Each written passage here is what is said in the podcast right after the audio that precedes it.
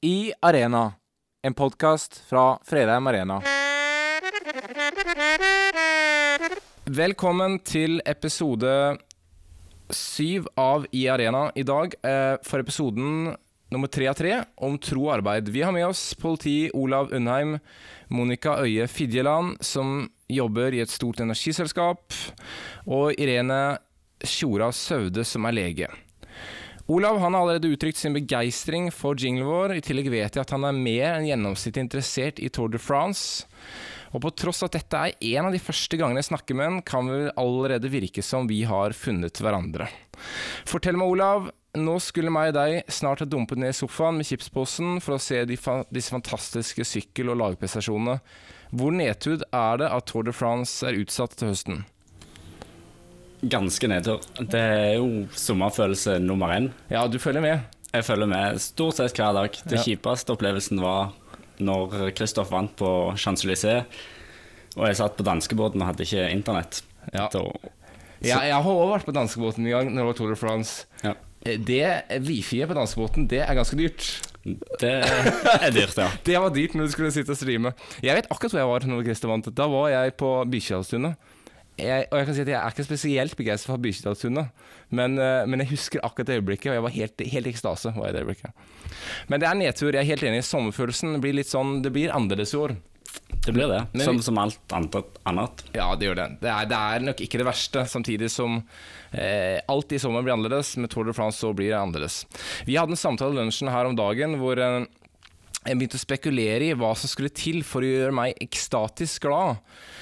Et av forslagene da var at det kom et nytt album fra et av mine favorittband. Og det var for så vidt et godt forslag, men det, nok, det er nok få ting som slår dramatikken rundt Tour de France. Når man ser Froome løpe opp Mont Ventoux, eller Joras like før gruppa stuper nedover eh, bakken, busser som står fast i målseilet like før rytterne kommer, og de fantastiske lagprestasjonene. Og når jeg så Froome løpe der, da, da var jeg helt oppi der. Da var jeg helt ekstatisk. Vanskelig å få ned igjen. Eh, og min familie min blir jo nesten bekymra for meg. For jeg blir helt ekstatisk. Men i motsetning til meg, så er ikke du bare en som sitter i sofaen. Eh, du sykler òg, gjør du ikke det? Jo, jeg sykler litt. Er du aktiv? Altså er du på, i klubbnivå? Nei, mindre aktiv nå etter jeg ble far, men, men, men jeg syk, sykla en del ritt før, ja. Ja, for det kan jeg se for meg en utfordring. Jeg snakker ofte om det, for jeg løper en del. Ja. Og så sier jeg alltid når det kommer kritikk på løpinga, sier jeg ja, men det tar kort tid. Tenk på de som sykler.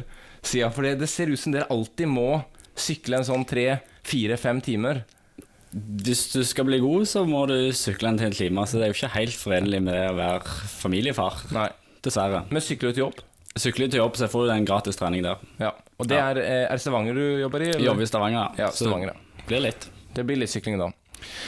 Irene, hvor eh, var du da Chris Froome løp opp Mount Ventoux?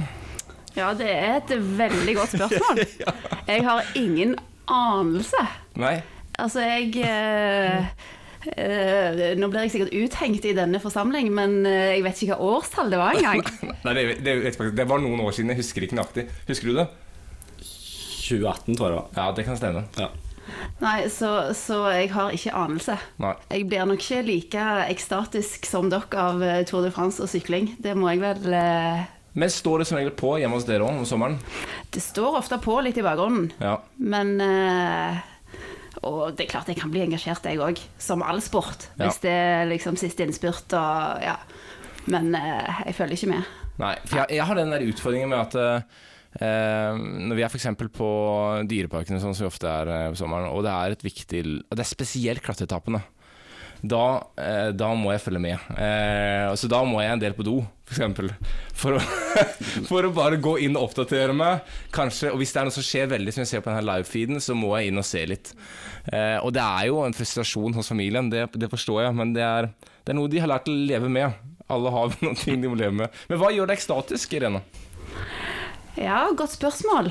Akkurat nå vil jeg kanskje si at jeg hadde blitt eh, ekstatisk av en skikkelig god natts søvn og en eh, pose med smågodt eller noe sånt i en sånn eh, småbarnstilværelse. Men eh, Nei, altså ekstatisk.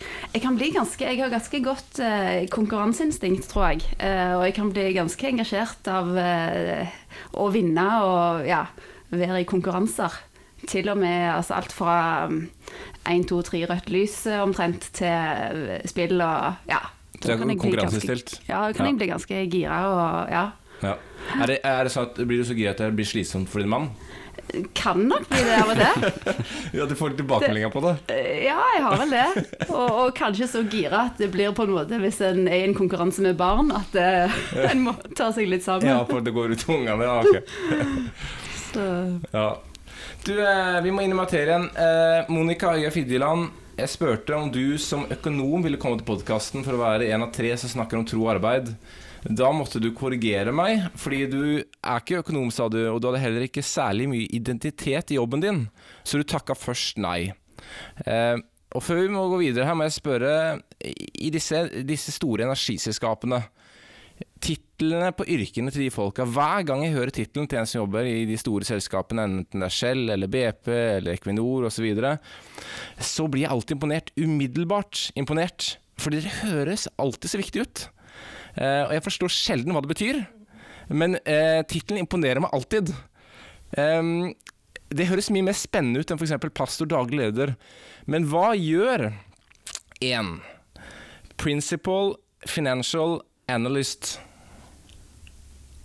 Ja, jeg syns det ble litt feil å titulere meg som en økonom. Når jeg ikke har liksom den der eh, standardutdannelsen Sivek på Handelshøyskolen, Ja. sånn som min far og to brødre. Jeg var ikke så glad i tall, men jeg ble det. Ble veldig glad etter hvert og har treves veldig godt. Eh, Det titlene er egentlig forskjellige steg i en fagstige. Eh, Og jeg er ikke så opptatt av det, som du sikkert forstår. På jobb så er jeg teamleder for et team for 6-7 personer. og Der har jeg fagansvar, ikke lederansvar. Eh, Og vår enhet har ansvar for eh, timepriskonsept og det å fordele kostnader internt i selskapet ut i Norge og til datterselskap. Så da tror jeg vi kan gå videre. ok, Men det er, sånn, det er altså en, nærmest hierarki også, de, de titlene. Ja, du Eh, jobber deg oppover. ja, Du starter som en analyst, senior analyst, financial analyst, lead analyst. Ok. Så neste for meg blir å lead analyst. Ja, Så du er et stykke opp på, de, på, på stigen, selv om det ikke betyr noe for deg? Ja, og det er mange stiger. ja da, selvfølgelig. Det er kjekt å gjøre det godt. Ja, altså bra. Eh, Men er du enig i at, at av og til navnene at de høres, de høres flotte ut? Yes, det er ingen som skjønner. Tidligere var det noe som heter kontroller. Ja. Det, var det, det var kun i vårt selskap de brukte det nesten. Ja. Så Ja, for jeg, hadde, jeg, hadde en, eh, jeg har en bror som også jobber i eh, et stort energiselskap. Og han har, har en sånn tittel tenker jeg bare blir slått tilbake. Wow, du er viktig, tenker jeg. Og så spør jeg hva han gjør. Eh, og da blir det vanskeligere å forstå hva, hva han egentlig gjør. bare oversette din tittel til, no- til engelsk, så blir det nok Ja, ja, for at de, ja, har, de har sånne fine executive pastures og sånn, så, så det burde kanskje egentlig eh, Da blir det med en gang vakrere. Jeg går bare halve sannheten i stad, for eh, etter du eh, sa at du ikke hadde særlig mye identi- identi- identitet i jobben din, så sa du at du var mye mer opptatt av hvem jeg er i Kristus. Hvor jeg da kunne si at eh, det er nettopp det egentlig vi vil snakke om. Hvem er jeg Kristus, og hvordan ser det ut for de som er eh, rundt oss, og der vi er. Så hvem er du i Kristus, Monica? Eh, Jeg elsker alle de sannhetene at jeg har blitt kjent med i Bibelen. Eh, sannheten om hvem Gud skapte meg til å være, og hvordan han ønsker at jeg skal leve livet mitt. Jeg ønsker så at de sannhetene i Bibelen skal liksom bli grunnfesta i meg.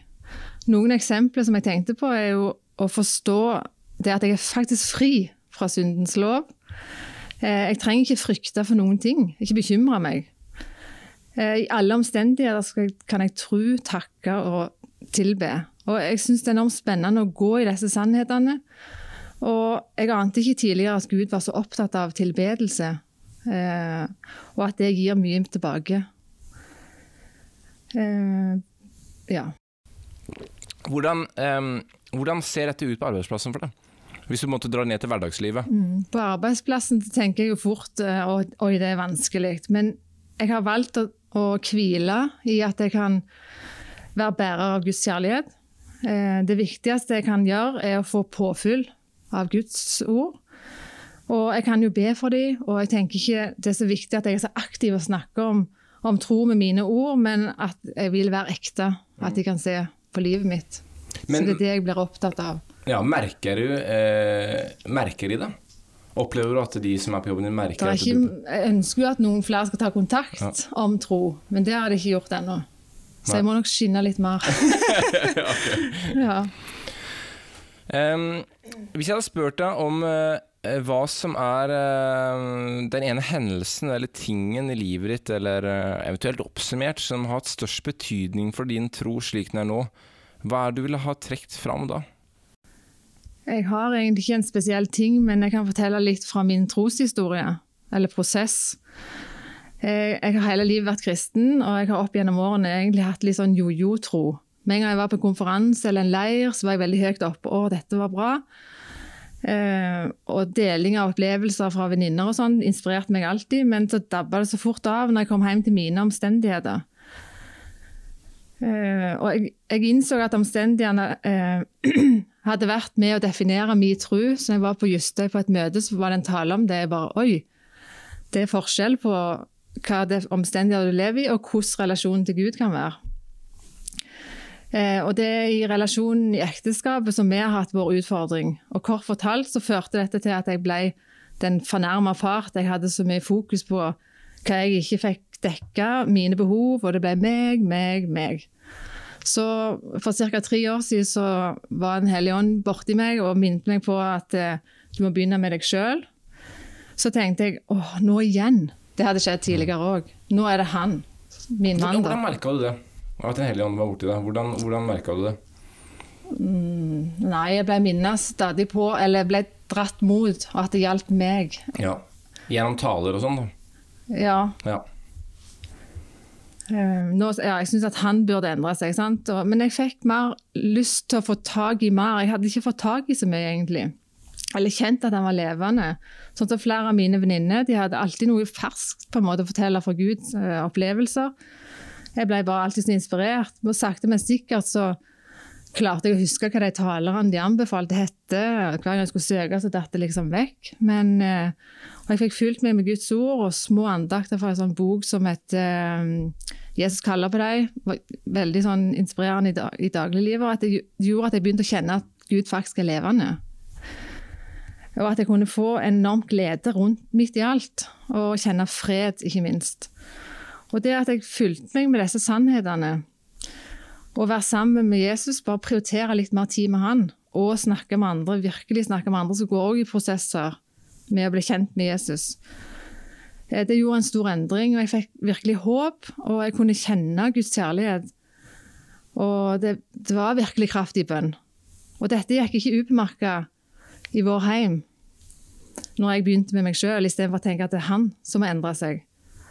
Så vi fikk virkelig oppleve at Gud er så stor at vi kunne tilgi alt som hadde vært utfordringer med, og jeg ble satt helt fri. Det var helt fantastisk. Jeg kunne få legge bak meg alle skuffelsene, og alle sår kunne begynne å bli lekt. Og det å få strekke seg etter det som ligger foran, og bare legge bak alt det andre, det var helt fantastisk. Så det at Guds kjærlighet fører til en snuoperasjon, det endrer kurs, endrer fokuset i tankene, det virkelig, kan vi virkelig skrive under på. Og nå i ettertid så ser jeg jo at fortsatt så er det her mine kamper står. Den onde vil fortsatt stjele fra vår familie, og, men nå er vi mer på vakt. Eh, og det er lett å gjøre feil, og, men det er godt å Ja, OK, det gjør ingenting. Jeg kan løfte blikket på nytt og bli minnet på hvordan jeg vil være. Eh, og endre det med tankesett. Jeg er veldig opptatt av det med fokus og tankesett. Hvor mye det betyr hva jeg fyller meg opp med. Mm. Så det handler ikke om meg, men det handler om alt han har gjort for meg. Utrolig fint. Eh, hva er det det, hvordan, Du sa at det gikk ikke ubemerka hen. Hvordan så det ut? Altså, eh, for jeg tror nok veldig mange kjenner igjen i det på en eller annen måte. Og det kan jo være arbeidslivet, eller det kan være med annen familie, det kan være med ektefelle. Eh, hvor en på en måte lettere kanskje ser utfordringa til den andre, og så klarer han ikke helt å se at ok, jeg har faktisk en del i dette her å gjøre. Hvordan, hvordan ble den reaksjonen når du da begynte å fokusere på deg sjøl, sannsynligvis da på tross av at du, du tenkte at Det handler om at jeg begynner å elske han, på en måte. Ikke være så opptatt av hva jeg skulle få i et forhold. Så at min hovedoppgave er å elske han, og hans oppgave er å elske meg. Og det å takke og være takknemlig for alt, alle ting. Hvis du er veldig sint for eksempel, på en person, du begynner, da må du bare bestemme deg. Du har jo ikke lyst til å takke, men du takker. Så endrer du mønsteret. Og han, ja, det ble respondert på at kunne han kunne merke gudskjærligheten, og det gjorde jo bare at wow, dette vil være levende for meg. At det går an. Jeg vet det ikke er meg. Når han kan bli møtt med et gudsnærvær. Husker du det øyeblikket hvor du tenkte nå begynner jeg med dette? Altså nå, går, nå, nå begynner jeg å snu fokuset. Var det sånn et, et øyeblikk hvor du tenkte at uh, Nei, det var en prosess. Det var en prosess over lang tid? Ja, hele veien. Ta små steg og begynne å lytte til mer. Begynne å søke han istedenfor bare eh, leve livet mitt sånn som jeg alltid har gjort. Ja. Så nå syns jeg det er veldig spennende. Hvordan tenker dere når dere hører eh, Olav og Irene, når dere hører det her? Hva tenker dere?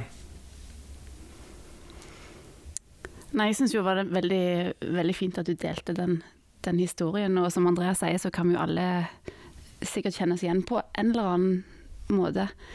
Eh, jeg tenkte litt på hva det Altså, når du følte på en måte at dette snudde og, og sånn, var det noe du hadde gått og, og, bedt for lenge og liksom gått og tenkt på hvordan er dette her, eller var det noe som plutselig bare en dag så, så merkte du det, og så snudde det? Eh, det gikk nok prosess i meg, men jeg hadde nok bedt veldig lenge om en endring i vår familie. Mm. Så det at Guds godhet og kjærlighet kunne gjøre at wow, er Gud så stor? At du kan tilgi både det og det, og jeg kan tilgi Ja. Det ble veldig stort. Så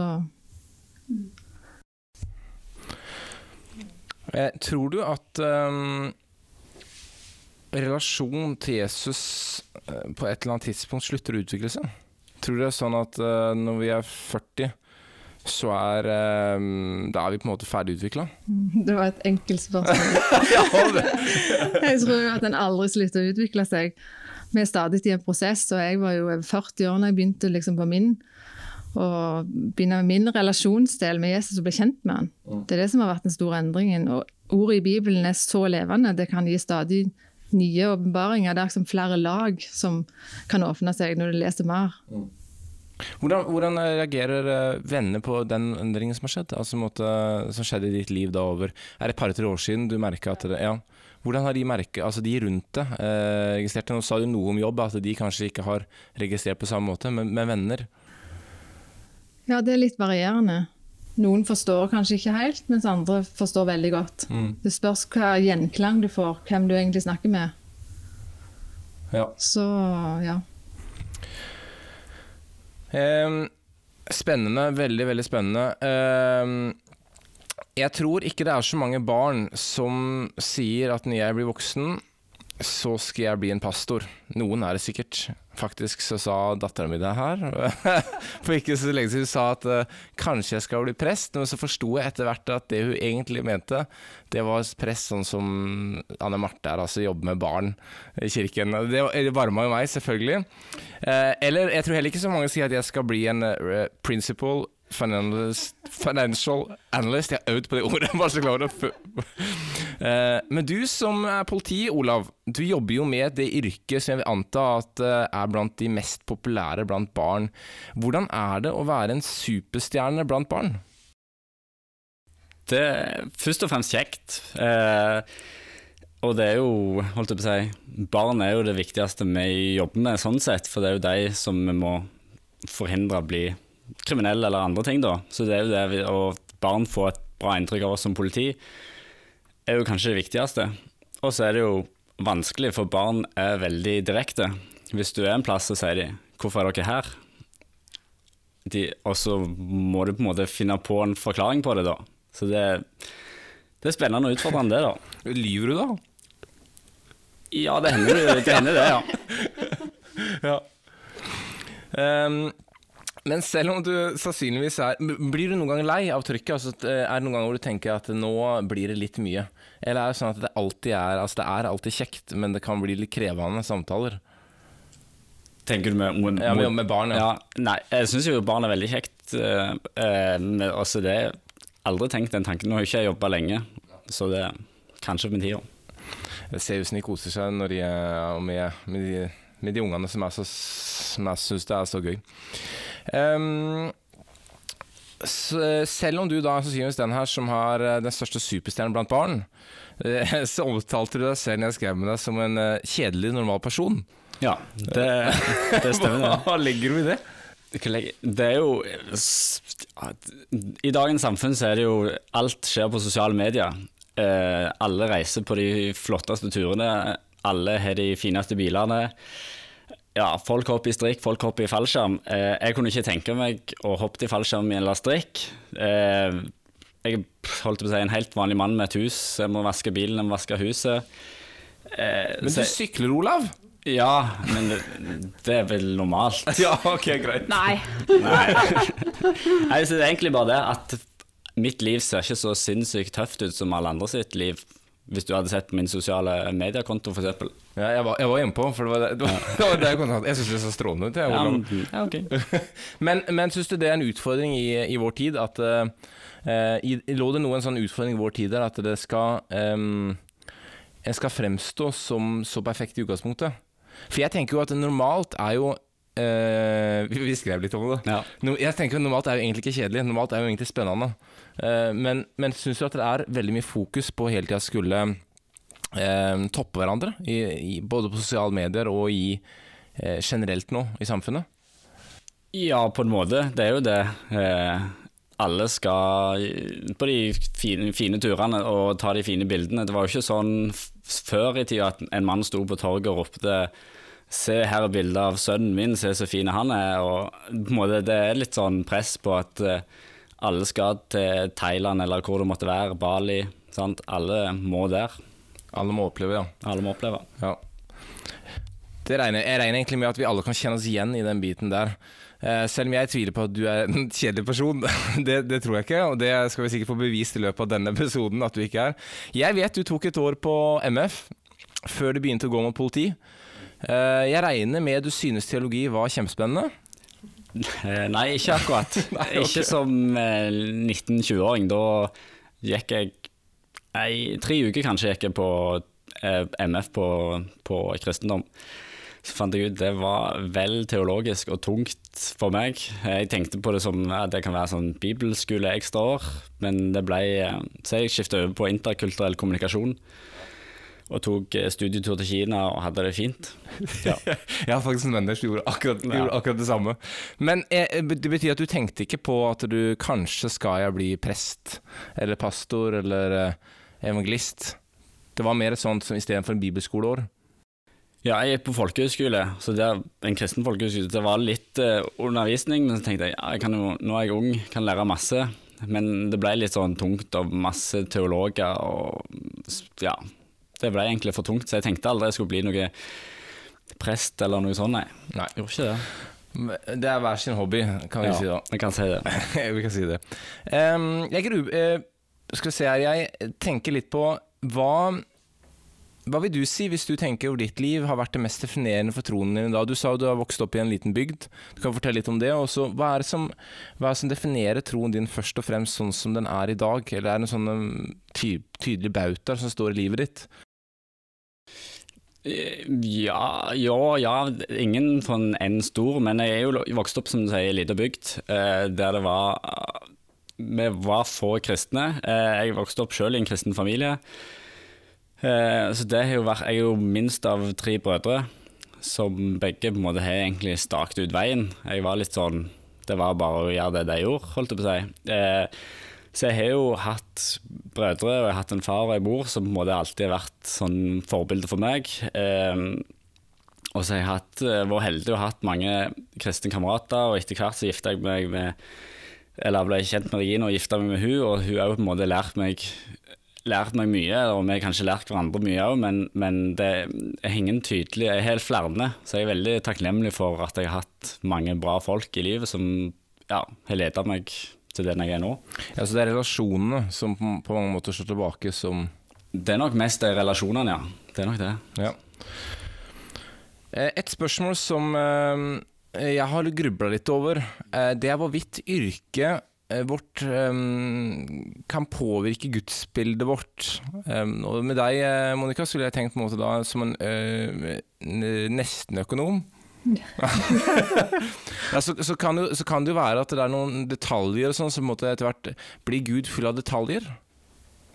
Altså, Hvis du tenker litt jobber, eh, kan noen av de sidene ved Gud også bli, eh, bli eh, litt likt som det vi jobber med? At vi, vi blir opptatt av de tinga som, som er jobben, og så ser vi noe av de det, Ja, forstår du spørsmålet?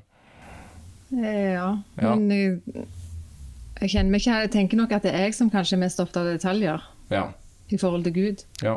For du er opptatt av detaljer? Han ser jo på meg som gjennom Den hellige ånd, på Ja. måte, som bor i meg. Ja. Sånn at jeg trenger ikke å se ned på hvor dårlig jeg er, eller jeg kan reise meg opp og faktisk tenke på alt han har gitt meg. Ja. Og det å gå en prosess i å endre seg, ja. som er spennende. Eh, Olav, ditt yrke er jo da eh, politi. Hvordan er det med deg, da? Er det sånn at eh, du tenker at Gud det, Tror du det blir lettere for deg å tenke at Gud eh, er en som er ekstra opptatt av at vi overholder regler, og hvis vi ikke gjør det, så kommer han for å ta oss?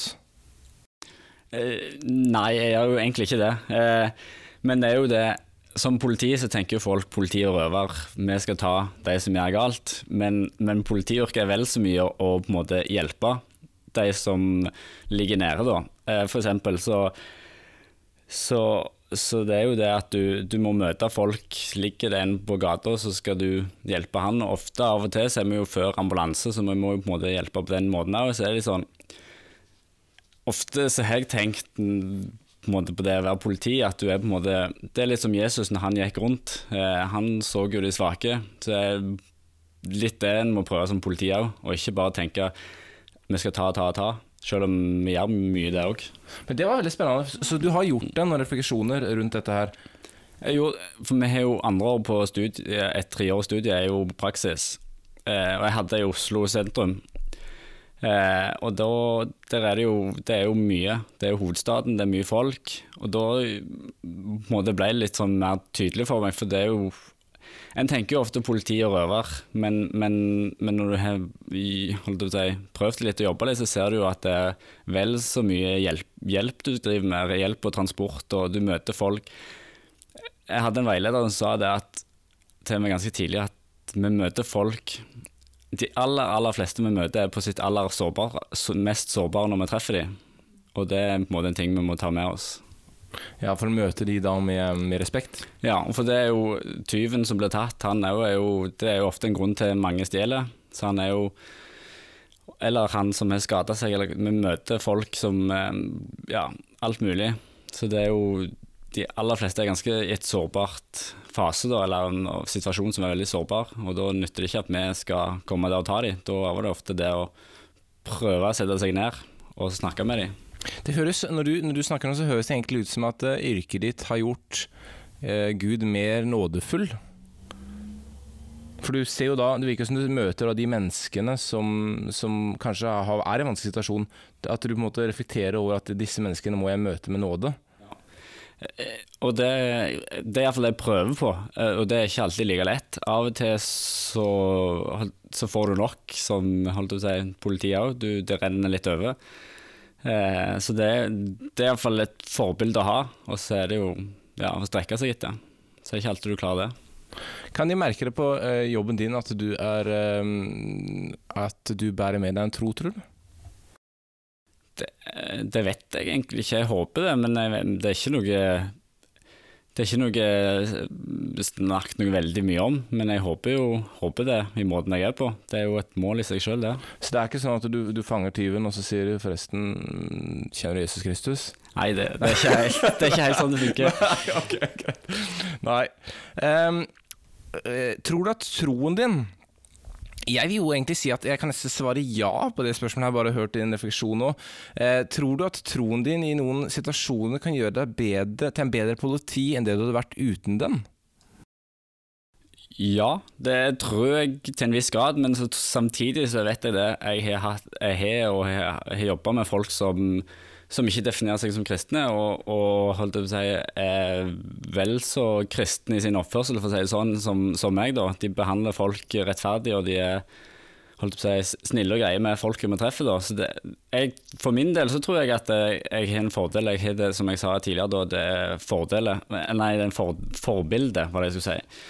Litt sånn som det armbåndet 'What would Jesus do?' Det er litt sånn prøve å tenke det inn i situasjoner. Ja. For jeg tenker jo det, det er det som er alltid utfordringen når vi, når vi, på en måte, vi sammenligner oss, så oss ofte med andre. Og det er jo alltid umulig, for Ja. da, da kommer alle til kort. Men så spørsmålet blir jo på en måte om en sjøl ser at dette har gjort noe med mitt liv som jeg tror at jeg hadde vært svakere på hvis jeg ikke hadde hatt nettopp det. Eh, Men det er litt det du svarte på, da, at, Ja. at pga. på grunn av det så tror du det. Hvordan, eh, Du var litt inne på dem, og hvordan er det noen konkrete ting som du kunne tatt deg i at du, det, har, det preger deg på i hverdagen? Du sa noe om at du prøver å se det gjennom eh, hvordan vil Jesus behandla deg. Ja. Er det det mest konkrete? Eh, nå vet jeg ikke helt om jeg skjønte det, men eh, Ja, altså, du, eh, hvordan, hvordan konkret situasjoner kan du eh, kanskje merke at troen din eh, gjør at du, du gjør deg er en bedre politi, da? det er jo Politiet, da møter vi jo folk, vi jobber med folk, og samtidig så er det jo ulike Vi møter jo ulike settinger. Noen ganger er det, kan det være høy trussel. Eh, Jeg husker i praksisåret når du kommer ny som student eh, og kommer ut i felten, så, så, så er det jo det er mye som kan være skummelt, men det er jo det å da på en måte prøve Du har jo en, en med deg alltid, da, holdt jeg på å si, i kampen. Eh, så det er jo litt sånn greit å ha med seg òg inn at du har du, Jeg er jo aldri alene der jeg er. Forståelsen av, eh, forståelsen av folk som er f.eks. radikalisert i tro, er det en ting som du har lettere å forstå, tror du, som når du sjøl bærer med deg en tro? At du, du har lettere for å møte folk som, som måtte forholde seg til eh, noe som er veldig heldig for dem? Det tror jeg nok at jeg har jo et forhold til en, holdt jeg på å si, en, en religion og det å tro. Eh, samtidig så er det jo eh, Ja, jeg ofte for eksempel Ja, så er ikke den religionen kjenner jeg F.eks. For eksempel islam, da kjenner jeg ikke så godt til den. Eh, og på mange måter, men samtidig så tror jeg jeg kan mer forstå det at folk har ei tro, enn kanskje mange andre. Forholde seg til det. Ja. Hva lå bak eh, valget ditt som var i politiet? Eh, Egentlig mange tilfeldigheter, tror jeg. Eh, Jeg skulle egentlig alltid bli sånn Statens vegvesen-mann som min far. Det, eh, og så skulle jeg vel bli noe annet. Jeg skulle bli ingeniør, sånn var det. Og så begynte jeg på matte og fysikk i andre klasse på videregående. Og så gikk jeg ei uke, så skjønte jeg det her blir for tungt å holde på med i to år. Eh, Det er altfor vanskelig for meg.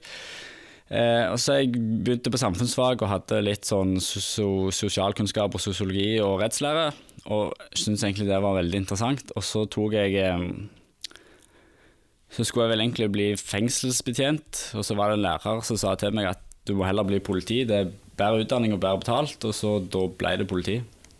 Ja. Du angrer ikke på det i dag? Nei, jeg gjør egentlig ikke det. Nei. Så bra. Eh, kjekt å høre, Olav, dine refleksjoner rundt dette. Og det spesielt var det interessant det her med, med, med at jeg spurte jo om du kunne bli mer opptatt av at Gud skal straffe deg, men så hører jeg når du snakker eh, at eh, det virker som Gud har gjort deg eh, mer nådefull, altså på en måte en større forståelse. Eh, og at folk tilgivelse, og det møter folk der de er. Veldig fint. Fra et yrke som er uh, veldig populært um, til an blant barn, til et annet yrke som jeg lurer på om er populært blant barn. Hva er din opplevelse her, igjen? Blir barna på venterommet starstruck på lik linje som en, med en politiuniform? Jeg vet ikke om jeg akkurat ville brukt ordet at de blir eh, starstruck eh, der de sitter på, på venterommet og, og venter på å komme inn til legen, men, men eh, jeg, jeg opplever jo at mange unger syns det er litt stas da, å komme til, til fastlegen, og de har gjerne, de gjerne snakket om det hjemme, og mange har litt sånn doktorutstyr som de leker med, og, og av og til blir det jo bare kaos eh, når de kommer inn, men av og til blir det jo nesten litt sånn høytidelig stemning, og en skal lytte på de, og, og at de syns det er liksom litt stas. Men, men eh, jeg tror nok ikke legeyrket kan måle seg med liksom politi og brannmann og disse her eh, ja. Nei. Men, men hvis jeg eh, spør deg, vi hører jo mye i media om eh, at det er, det er mye å gjøre som fastlege. Men hva er de største gledene med å være fastlege? Ja, det er veldig enkelt å svare på for meg i hvert fall. Og det er nok det at jeg får eh, bli veldig godt kjent med folk. Eh, og jeg blir jo kjent med hele familier gjerne, og, får liksom ja, når jeg har vært fastlege i noen år, og jeg har på en måte fulgt noen familier gjennom oppturer og, og nedturer og, og, sykdom og glede og graviditeter og fødsler og eh, Og det blir jo på en måte en sånn slags eh, jeg vet ikke om jeg skal kalle det tillitsforhold eller hva, men, men en blir jo godt kjent liksom begge veier. Sant? I, i, I de litt sånn store tinga i livet. Og det er jo um, egentlig et skikkelig privilegium. Ja. Du er misjonærbarn. Stemmer ikke det? Det stemmer. Eh, fortell litt. Hvor er du Ble du født ute, eller ble du mm. flytta dere ut, eller eh? Nei, jeg ble født uh, i Norge. Uh, og, men vi flytta ut når jeg var, var liten. Eh, etter et år i Norge så flytta vi, bodde ett år i Frankrike, og så flytta vi til Madagaskar. Eh, og det var der mor og far jobba, da. Så der var vi i um, Eh, i to perioder, så totalt eh, rundt syv år. Oppdelt i, i to, da. Mm. Så mye av barndommen, eller jeg husker du mye derfra? Jeg husker, jeg husker, mye derfra. Eh, første perioden var jeg jo liten, det var før jeg begynte på skolen. Og hva jeg husker og hva jeg har blitt fortalt, det er jo kanskje litt flytende. Men, men fra den andre perioden, da, det var starten på barneskolen, da husker jeg ganske mye. Mm. Er det takknemlighet du sitter stort sett igjen med? Ja, absolutt. Jeg, eh, jeg, sitter igjen med takknemlighet og opplevelsen av en, en veldig sånn fin og trygg barndom, faktisk. Eh, selv om det var i et eh, veldig fattig land med eh, ja, med en helt annen kultur enn Norge. Og, og, ja, så er det på en måte det, jeg, det er den følelsen jeg sitter igjen med når jeg tenker tilbake. Ja, er, det sånn at du, er det sånn at du kunne tenkt deg sjøl å blitt eh, misjonær? Ja, altså- det, det, er ikke første gang jeg har fått det spørsmålet. Nei, for, det, for en del er, Det går jo ofte litt sånn Det er jo prester og sånn og pastorer og sånn går i En del, en del ja. går i arv. Ja. Og Staten vegvesen du, du, var nesten på vei til i Statens vegvesen. Nesten. nesten. ja. Men eh, Ja, så du, du har egentlig vært litt frista til det? Ja, nei, altså Jeg har fått det spørsmålet mange ganger, og ofte har jeg på en måte lyst til å si ja. At jeg har lyst til det. Mm. Men så har jeg egentlig ikke lyst til det. Du har ikke lyst til det, nei. Uh, og, og, jeg tenker vel at hvis, hvis det er en mening at jeg skal, skal, dra ut, så tenker jeg at da, da tror jeg Gud kommer til å plante en mer på en måte lyst til det enn det jeg kjenner på nå. i alle fall. Ja, og så tenker jeg kanskje En av grunnene til at du blir spurt, kanskje er nok også det at du har et yrke som jeg vil anta at det veldig lett lar seg forene med ja, ja. Alle ikke la seg forene, men det er klart. eh, financial analyst. Eh, jeg klarer ikke å si det ordet engang. Nei, jeg klarer det. Jeg øvde på det før vi kom hit. Jeg skriver det på norsk. Hvor det. Eh, nei, men du har nok det, og det gjør nok sikkert både denne historien din og det at du har yrke, så tenker jeg kanskje en del Ja, kanskje kanskje skal ut. Ja, ja absolutt. Det, det, det, er ikke, og det er ikke rart at folk tenker det. Nei. Men hvordan har det forma livet ditt? Ja, eh, hvordan har det forma livet mitt? Eh, det er jo vanskelig å vite hvordan jeg hadde vært hvis jeg ikke hadde hatt den oppveksten, da. Men, eh, men først og fremst så har det jo Det som først og fremst forma livet mitt, tenker jeg, er jo at jeg har vokst opp i en kristen familie. Og, og altså som misjonærbarn så Jeg gikk på en liten norsk skole. Det, det var på en måte masse kristne aktiviteter. Vi vokste liksom opp i i det med tro og, og, liv og tro, og alt var liksom en sånn uh, fin uh, ja, suppe. Mm. uh, og det tror jeg har forma meg. Og så håper jeg jo på en måte at det har forma meg litt, det å vokse opp i en annen kultur og, og bo så lenge um, en plass er helt annerledes enn Norge. Um, men jeg ser jo at jeg på en måte nå, nå når det er såpass lenge siden, at det blir litt fjernt òg. At jeg jeg er jo norsk på en måte og tilpasser meg livet her. Og, eh, og, av og til skulle jeg kanskje ønske at jeg, at jeg, tenkte mer og var mer bevisst på altså, hvordan bruker jeg pengene mine, hvordan lever jeg livet mitt her, og, uh, og at jeg ble kanskje litt eh, oftere påminnet om hvordan, hvordan, livet er der nede. Det, altså, du, du, opplever ikke lenger at uh, For det var et spørsmål jeg ville følge opp med, men du ja. opplever ikke lenger at det, det at du har sett så og levd i såpass enkle forhold, da, at det nå påvirker hvordan du sjøl lever livet ditt? Nei, det går litt opp og ned. Og jeg skulle av og til ønske at jeg, at jeg var enda lenger framme i på en måte, hva skal si, bevisstheten min. Um, Mor har fortalt at med en gang når vi kom hjem fra Madagaskar, eh, det må ha vært den siste perioden, da, da var jeg vel ti år, ni-ti år, eh, at jeg sa vet du hva, mor, jeg skjønner ikke hvordan vi skal klare å leve i dette landet. Eh, fordi at jeg, jeg syntes det var så annerledes. Sant? Og folk var liksom ja, jeg var ikke vant til å tenke på hva klær jeg hadde på meg, f.eks. Og plutselig så kom jeg på skolen, og folk liksom De der passer jo ikke sammen, sant. Den der fargen der og der. Og jeg hadde aldri hørt om Spice Girls, og det var sånn jeg i klassen tok litt sånn opplæring om Spice Girls, husker jeg, for å liksom få meg litt inn i den norske, norske kulturen. Fikk Men- deg lyst til å flytte tilbake til Madagaskar når du fikk den opplæringen?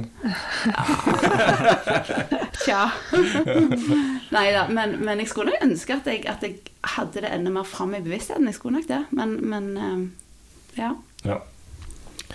Um, hva var det som drev deg til eh, det yrket som lege? Ligger noen, ligger noen av forklaringen der i, tror du, i historien din? At du, den møter med det i Madagaskar? Eller er det et ønske om hjelpe, eller er tilfeldigheter som gjør at du endte opp med å studere til belegget? Jeg tror det er en kombinasjon av, av flere ting, egentlig. Jeg har, vel, jeg har vel ikke tenkt at det at jeg er misjonærbarn, har påvirka det valget så veldig. Um, men, men jeg har alltid likt å, å være med folk og være sosial og, uh, og komme litt innenfor folk. Uh, og kombinert med at uh, jeg syns mange jeg syns det er spennende å studere og, og lære ting og fordype meg litt inn i ting og finne ut av ting. Så ble det nok den kombinasjonen kanskje som, som ble det viktigste for det valget, tror jeg. Mm. En ting som jeg, som jeg em, beundrer med leger, det er det at eh, dere må gjøre diagnoser og vurderinger på ganske alvorlige ting. Eh, kjenner du på tyngden av ansvar for å ta riktige beslutninger i det yrket? Ja, det, det gjør jeg. Um, det ville vært feil å si at jeg ikke kjenner på det. Uh, samtidig så så kjenner jeg nok på at eh, både ofte de, de litt sånn store beslutningene de tar vi jo gjerne ikke helt sånn på egen hånd når vi kan støtte oss til både undersøkelser og kollegaer og, og flere ting. Og så prøver jeg nok å, å minne meg sjøl på at uh, jeg kan ikke gjøre bedre enn mitt beste. Og, prøve å hanke en råd fra de jeg kan når jeg er usikker. Eh, og prøve å minne meg sjøl på at eh, min viktigste identitet er på en måte ikke som lege og, og den jobben jeg gjør, men, men at jeg er Guds barn, og, og at jeg kan på en måte hvile i det. da. Mm. For det er jo Jeg vet ikke hva dere andre sier, men, men i hvert fall blant mine kolleger så er, jo, er det jo sånn at alle vil oppleve å gjøre en, en feil sant, i livet. Og mange, noen har opplevd det allerede, og de fleste vil jo, vil jo oppleve det. Mm. Og det vet ikke om dere andre òg har det sånn, men det vil jeg på en måte gå ut fra. Ingen eh, Ja, det er jo det jeg fikk jo høre tidlig at For jeg jobber jo som etterforsker nå, og da var det det at bare Bare prøv deg fram og, og spør om råd, som du sier, men du kommer til å gjøre feil. Og det går helt fint. mm. Så det er noe med det at vi er jo mennesker så vi er jo ikke feilfri, sånn sett. Jeg tenkte litt på Jeg, jeg gjør feil. Absolutt. Jeg tenkte litt på hvor mye benytter du deg av Gud på en måte i hverdagen. Jeg tenkte på meg sjøl for noen år siden, så parkerte jeg på en måte i hermetegn Gud alltid hjemme. Jeg kom ikke på at han skulle være med i, i arbeidsdagen min. Det var noe jeg holdt på med, og så hadde jeg tro utenom. Men nå når jeg har liksom begynt å ta han med, så ser jeg wow, det, jeg kan jo småsnakke med han i løpet av dagen, og jeg kan faktisk få hjelp til, til meg. Og han virker jo. Eller det virker jo. Hvordan er det for deg? Jeg, eh, ofte i løpet av hverdagen så føler jeg ikke jeg har helt tid til å, å tenke den tanken. Men de gangene jeg har brukt det mest, er nok kanskje før og etter litt sånn vanskelige um, Enten vanskelige avgjørelser eller vanskelige samtaler. Jeg, at jeg har på en måte bedt om at nå må du være med meg, Gud, sånn at jeg gjør det som er, er rett. Og av og til litt sånn, sånn bearbeiding i etterkant, kanskje. Mm. Ja, for hva, hva eh, Er det sånn at du av og til tar med mm, avgjørelsene hjem? Eh, at du har tatt en avgjørelse, og så begynner du på ettermiddagen å angre på Jeg lurer på om jeg gjorde feil, Ja. eh, og så får du ikke sove. ja. Hva gjør du da? Er det da, da tar du kontakt neste dag med de som er spesialistene på feltet i Norge, eller er det Ja, det vil jo variere litt hva, hva situasjonen det er, da. Men, men det er klart hvis jeg tror at jeg har gjort en feil, så vil jeg jo ta kontakt med pasienten eller de andre, eller prøve å rette opp i det som best jeg kan. Ja. Mm. Ja. Møter du da forståelse? Altså, hvis du, eller forvent, forventer folk at leger er supermennesker? Altså, måte, ikke gjør feil? Opplever du det, eller har de forståelse for hvis du har kommet til en annen konklusjon i løpet av natta? De, de fleste jeg har truffet, har jo veldig stor forståelse for det. Ja. Eh, og, og jeg har hatt eh, et par tilfeller der jeg har ringt pasienter og sagt vet du hva, jeg tenkte helt feil. Det, det, det der var jo ikke rett. Og de har jo vært kjempeforståelsesfulle og egentlig veldig takknemlige for at den på en måte ja, la seg litt flat. Ja, og at du da viser jo at du, du har tenkt på de faktisk etter de, etter de gikk, så Ja, har du de ja. fortsatt eh, Ja. Så jeg tror aldri jeg har opplevd at det har vært noe negativt, selv om en gjerne har litt sånn hjertebank og, og det er litt ubehagelig å ta den telefonen. Mm. Men eh, mm. Hva er- hva i livet vil du si har forma troa di mest der den er nå? Nei, det tror jeg er en, en kombinasjon av, av oppveksten og familien min. Og jeg tror jeg har blitt en del form av det ungdomsmiljøet jeg var i på, på Sola. Eh, med, med ungdomsgrupper og fikk mange gode kristne venner. Eh, og de relasjonene der. Litt sånn som Olav sa, med, med relasjoner og, og ja. De han har truffet opp igjennom, som har vært kristne. Ja. Mm. Hvordan ser, eh, Du var litt inne på det her, eh, men hvordan ser troen ut som en lege? Du sa nå at du, du sliter med det der å, å huske, eller for tid nesten til å komme på hva du skal be om. Hvordan, hvordan ser det da ut å være en troende lege? Tenker du hva eh, Hva er annerledes? Ja, det er et godt spørsmål. Um, og, og jeg kan jo på en måte ikke ta Gud direkte med inn i konsultasjonene. sant? Det, det, det blir jo liksom ikke en misjonsmark på den måten, sånn direkte. Um, og, og jeg tror at det fins flinke og ikke flinke leger både blant kristne og ikke-kristne, Ja. eh, tror jeg. Men, men ehm, jeg, jeg håper jo at jeg kan ha en sånn en Du var jo litt inne på det, Olav. Kanskje jeg kan ha en forståelse for de som har ei tro, om de er kristne eller ikke, eller hva de enn tror på. At jeg kan kanskje forstå det på en annen måte. Um, Ja, at noe er hellig? at, at, ja. Mm. Um, det tror jeg kanskje. Er det sånn eh, vekselsvirkning eh, mellom at legehverdagen din gjør troen mer spennende, eh, fordi du får oppleve det du får ta del i, samtidig som at troen din gjør legehverdagen mer spennende? At måte, det er en sånn vekselsvirkning det. Ja, og jeg syns egentlig spennende var et eh, godt ord. Fordi at jeg syns ikke alltid at den vekselvirkningen gjør Altså at det Om det er lettere eller tyngre eller Av og til syns jeg gjerne at det kommer opp eh, er sånn vanskelige spørsmål fordi at jeg er kristen og, og jeg ser mye sykdom og elendighet, på en måte. sant? Og Gud er god. Eh, og det er en litt sånn vanskelig motsetning. Ja, Eh, skjer det da at du, skjer det da at du kan si Hva er det du holder på med, Gud? Altså, Ja. hva- ja, ja, det skjer. Ja, da. absolutt. Ja. Det skjer mange ganger, det. Ja. Og det, det syns jeg fremdeles er vanskelig å forstå. Ja. Det syns jeg. Samtidig så, så er det jo Jeg husker når vi studerte, så var det jo altså, Det er utrolig spennende felt, altså. Eh, og når en studerer kroppen og ser alle disse herne eh, liksom finjusteringene og mekanismene som er lagt til i kroppen. sant? Og, og, og jeg tenker det har jo bare styrka min tro på liksom, Gud som skaper, og alt når du ser bare altså hjertet som slår liksom ja, 70, 60, 70, 80 slag i minuttet hele tida. En muskel inni der. Det er jo Ja, det... det- Det, det, er liksom Ja. Vi kunne jo snakket om det i, i ti podkaster, men uh.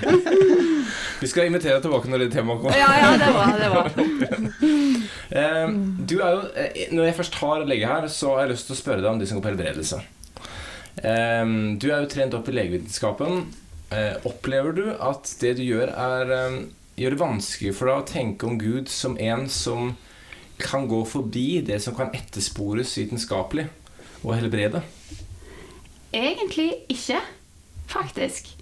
Um, altså selvfølgelig så tenker jeg at folk bør dra til legen sin hvis de, hvis de er syke, og, og på en måte motta de medisinene og den behandlingen som legevitenskapen har, har forska fram. Uh, men så tenker jeg at, at jeg, jeg prøver å ha to tanker i hodet på en gang. At samtidig kan Gud på en måte helbrede, og, og kanskje han kan helbrede gjennom legevitenskapen, og, og bare sånn ut av det blå òg.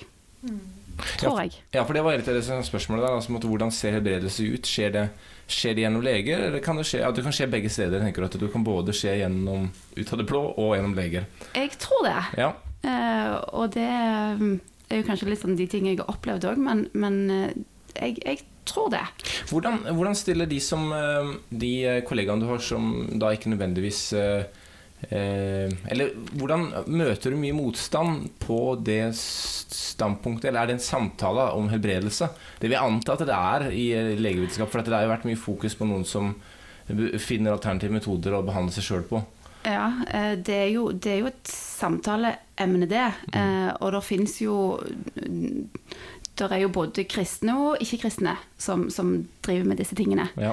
Uh, og det eh, er det nok veldig mye forskjellige tanker om. Mm. Uh, jeg tror nok mange uh, Mange vil si at så lenge ikke ting koster veldig mye penger, og så lenge det ikke skader noen, og så lenge ikke det gjør at folk dropper den legevitenskapelige. Mm. behandlingen, sant? Så, så Kan det ikke skade? tror jeg ikke at uh, Det er i hvert fall ikke sånn at alle er motstandere av det. Nei. Men, men eh, det er klart, dette er jo Ja. Et ganske sånn sammensatt tema. Ja, definitivt. Eh, Det forstår jeg godt. Ehm, jeg vet også at du har en eh, Det sa du vel i sånn bisetning her, at du har en eh, konkret erfaring på dette ved din egen mann. Eh, det spurte jeg om om jeg kunne få lov å spørre deg om, og det var greit. Ja. Kan du si litt om det? Hva var det som eh, Hva var det som skjedde? Ja. um, det var noen år siden, og det gjaldt jo da min mann, som du sa, som um, Han ble syk, og det ble jo folk av og til. Og, og jeg tenkte ja, han blir jo sikkert snart frisk igjen. Får ligge på, på sofaen og, og bli bra. Så gikk liksom dagene, og han ble egentlig bare dårligere og dårligere. Um, og ble til slutt innlagt på sykehus. Um, og jeg var på det tidspunktet høygravid med um, den ene dattera vår. Uh, og så var det en del dager med en del utredninger for å finne ut hva som var galt. Og sånn, og så fant de til slutt ut at han hadde en slags uh, innkapsla betennelse på, på leveren. De var jo innom mange diagnoser og kreft og, og alt mulig, så det var jo tøffe dager. Ehm, og, og mange på Fredheim var med og ba og, og sånn. Og, um, og så skulle de i gang med, med å, å finne ut litt mer om behandlingen han skulle få. Da. De, de um, overlegene på sykehuset sa at det ble uansett mellom seks og åtte uker med intravenøs antibiotika, og innleggelse på sykehus. Eh, Og vi begynte å forberede oss på det, og vi spøkte litt om at ja, ja, det var noen uker til fødsel. Han fikk dra med seg det der intravenøsstativet ned på fødestua og fikk være med på det, og ja da. Det ordna seg vel på et vis, men, men eh, vi syns jo ikke det var særlig kjekt. Sant? Nei, nei det, for, for hva skjer da når du er lege? Tenker du da, Klarer du da Eller opplever mannen din da at du forholder deg til han som eh, Litt sånn objektivt, sånn som en, en, sånn som en som kommer til legekontoret her? Eller, eller eh, Nei. Du, Jeg gjorde egentlig ikke det. Nei, okay. Så da, jeg, da, jeg merket at jeg, var, at jeg var annerledes i den situasjonen enn en, Altså, jeg var jo ikke rent objektiv. Nei. Og da går alle tankene gjennom hodet. Hva er dette? Hva Det betyr gjorde Ja.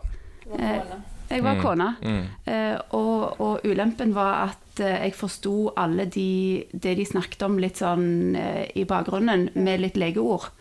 Sant? Så jeg, jeg forsto liksom at de sto der og diskuterte om dette var kreftspredning, eller selv om de prøvde å si det i litt sånn kodeord. Sant? Så, så det var vel en ulempe. Mm. Um, og så gikk dagene, og de drev også skulle ta mer prøver da, for å finne ut hva slags type antibiotika som de skulle ha, for det er litt greit å, å ha den rette typen når du skal gi det i to måneder. Um, og så gikk dagene, og så skjedde jo det som den dag i dag jeg syns er helt eh, Det er litt sånn absurd å snakke om. Eh, men plutselig begynte han bare å bli bedre, eh, og feberen forsvant, og blodprøvene begynte å snu. Uten at han hadde, de hadde ikke gitt han noe antibiotika der på sykehuset. Eh, og han friskna liksom til og ja, var mer oppegående. Eh, og, og, jeg husker han ene overlegen sa det at eh, det, er jo, det, er jo, veldig spesielt, men, men, prøvene snur, han blir jo bedre. Så jeg tenker vi får bare avvente litt behandlingen og, og følge med han litt. Eh, dette står det liksom ikke om i lærebøkene, sa han, men, men ja, vi trenger jo ikke gi behandling hvis vi ikke, hvis vi ikke må. Um, og så ble han etter hvert utskrevet og hadde litt sånn tett oppfølging og tok nye prøver og, og nye bilder av, av leveren. Da, og alt bare forsvant. Mm. Og på de siste bildene av leveren så var det ingenting der. Fantastisk. Skal det kunne skje? Ja, altså, det, det kan jo tydeligvis skje. men, men ifølge, ifølge, overlegen der inne så står det ikke i lærebøkene, da. Nei. Og det er jo kanskje noe av det mest sånn spesielle jeg har opplevd i mitt liv, da. Sånn. Tenkte du da at dette er Gud som er inne og griper inn? Ja, det tenkte jeg. Så du var ikke i tvil da at uh, du begynte ikke å finne en av vitenskapelig forklaring? Du tenkte at dette er Jeg har jo vært innom liksom å, Kan det være sånn eller sånn? Men, men jeg velger å tro at det var et bønnesvar, altså. Ja.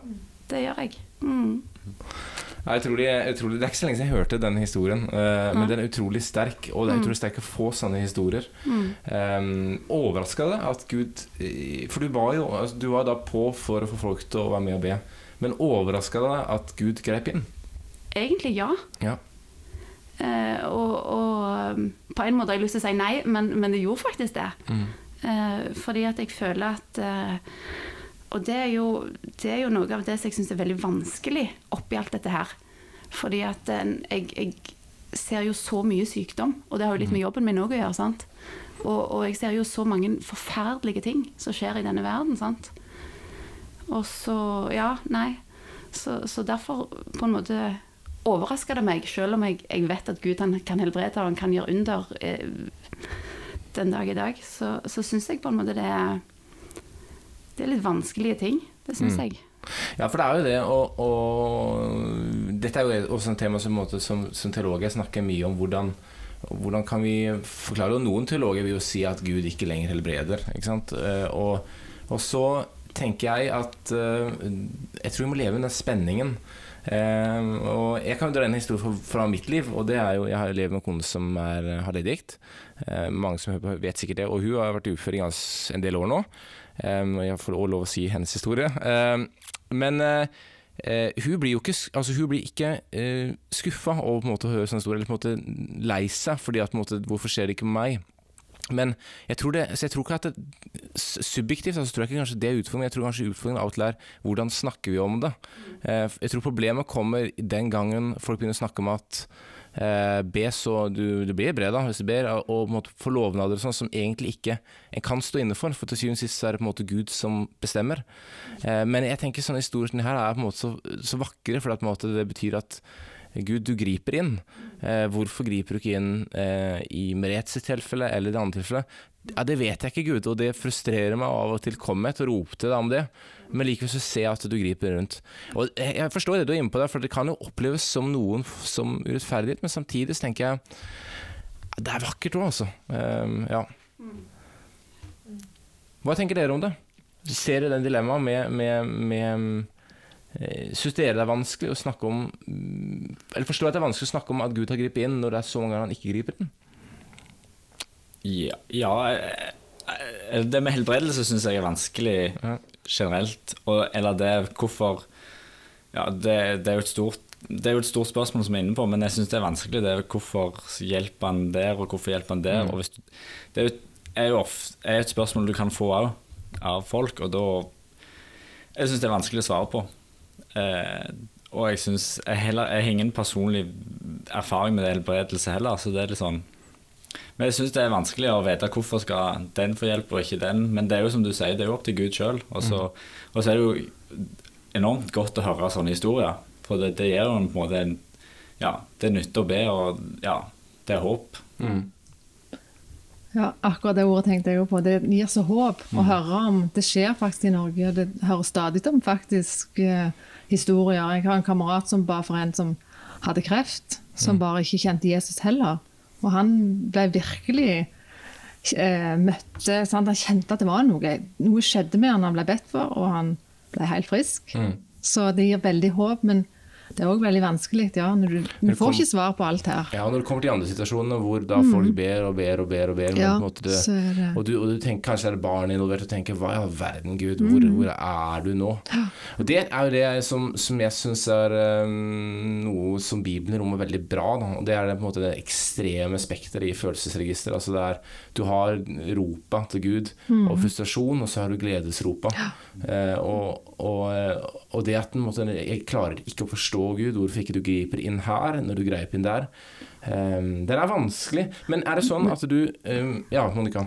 Nei, det er liksom litt Ikke sitte fast i, den, i spørsmålene, da, Mm. tenker jeg. For da, da får vi litt feil fokus. Da får vi ikke fo får vi ikke kjenne på glede eller fred midt i de vanskelige omstendighetene. Mm. Hvis en full, eller liksom hele veien er i den der liksom bitterheten i hermetegn for at det ikke skjer med meg.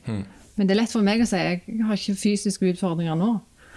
Men jeg tror det, det er viktig og at en kan faktisk, at det er mulig. Jeg har jo flere venninner som virkelig kjenner på kraft og glede midt i enormt store utfordringer, både psykisk og fysisk. Ja. Og det gir enormt håp. ja. Og jeg, jeg tenker jo det òg, at det eh, Og for min del så tenker jeg det der med å rope ut Jeg har så tro på det, altså. Eh, når jeg på en måte opplever urettferdighet, eller på en måte ser ting som jeg ikke forstår, ja, da kan jeg rope. Altså, for, og det er for dette er bibelsk. Altså, de gjør jo, de roper jo, de skriker jo til Gud. Ja, og så tenker jeg det kanskje av og til, så det er bare få det ut, få sagt, satt ord på til Gud. Dette opplever jeg som dypt urettferdig. Det tror jeg kanskje og kan hjelpe til at en ikke blir så bitter. Fordi at en måte en da en får sagt det ut Gud, jeg fatter ikke hva du holder på med. Eh, men jeg, jeg forstår ingenting av dette. Eh, og det å kunne si det ut. Men det er jeg bare sånn spent på, eh, Irene. Er dette en historie du eh, kan risikere at du av og til holder tilbake? eh, når du snakker f.eks. da med de som leger eh, og folk rundt deg, fordi at du, du syns det er vanskelig å samtale om det, eller er det, helt, eller er det lett å samtale også om det at du tenkte at dette var en helbredelse med, med folk rundt deg som har, er inne på det samme profesjonsområdet?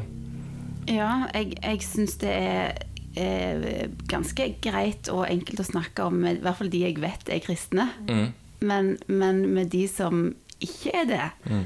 Så, så vet jeg nesten ikke om jeg har snakket med noen. Nei, Så du holder, holder du det litt tilbake bevisst, da, tror du? Eh, Jeg vet ikke om det er bevisst, men, men øh, har liksom ikke kommet inn på det. Nei. Uh, og så er det nok litt uh, Ja, det er litt vanskelige tema Ja. uh, å snakke om. Definitivt vanskelige temaer, og det er eh, eh, Men utrolig eh, fint å høre historien, for det gir, sånn, det gir håp, og det gir sånn masse glede. Og så forstår jeg de dilemmaene du sitter med, at det var med alle de andre jeg ser på jobb hver eneste dag, som ikke opplever det. Eh, og ser at det er en sånn vekselvirkning der som er vanskelig å forstå. Problemet med å snakke med så eh, spennende folk er jo det at det er vanskelig å avslutte. Her er det, Før vi begynte her, ble vi enige om at det er Jeg har vel snakka med alle tre. Ikke mye, men jeg har med alle tre. Men dere hadde aldri snakka med hverandre. Det er jo kjempespennende. det er jo veldig spennende. Og så ble det så bra samtale. Det takker jeg dere for, at dere var med eh, og svarte ja og deler fra deres liv. For det kan bety så mye for så mange andre som hører de tinga som dere har erfart. Og så er det bare lite, vet du, det er bare lite spekter av livet, for vi kan jo ikke legge ut hele livet på en, på en podkast. Eh, men jeg kjenner likevel på meg at tiden er inne for å sette strek for episode tre av tre om tro og arbeid. Eh, Du skal ikke se bort fra at det blir noen andre episoder også rundt dette temaet seinere. Men vi må bevege oss i en annen retning og en annen tematikk. Eh, Hvorvidt dette blir den siste episoden før sommeren, det vil vise seg. Jeg jobber med noe knyttet til vekkelse. Hvordan kjennes det egentlig ut å stå i vekkelse, og hva skjer? Eh, Om jeg rekker det før ferien, det vet jeg ikke, men jeg jobber med det daglig nå. Takk dere i studio. Ikke minst takk til dere som hører på. Grunnen til at vi fortsetter er utelukkende fordi det er såpass mange av dere som hører på og som finner mening i det, eh, og tilbakemeldinger i å høre de refleksjonene som gjøres. Um, og hadde lyst til å høre en time på at vi snakka og reflekterte om tro, arbeid, tvil, livet. Det gjør til at vi må prøve å få dette til, også etter covid-19-restriksjonene blir lempa inn på. Til neste gang, adjø!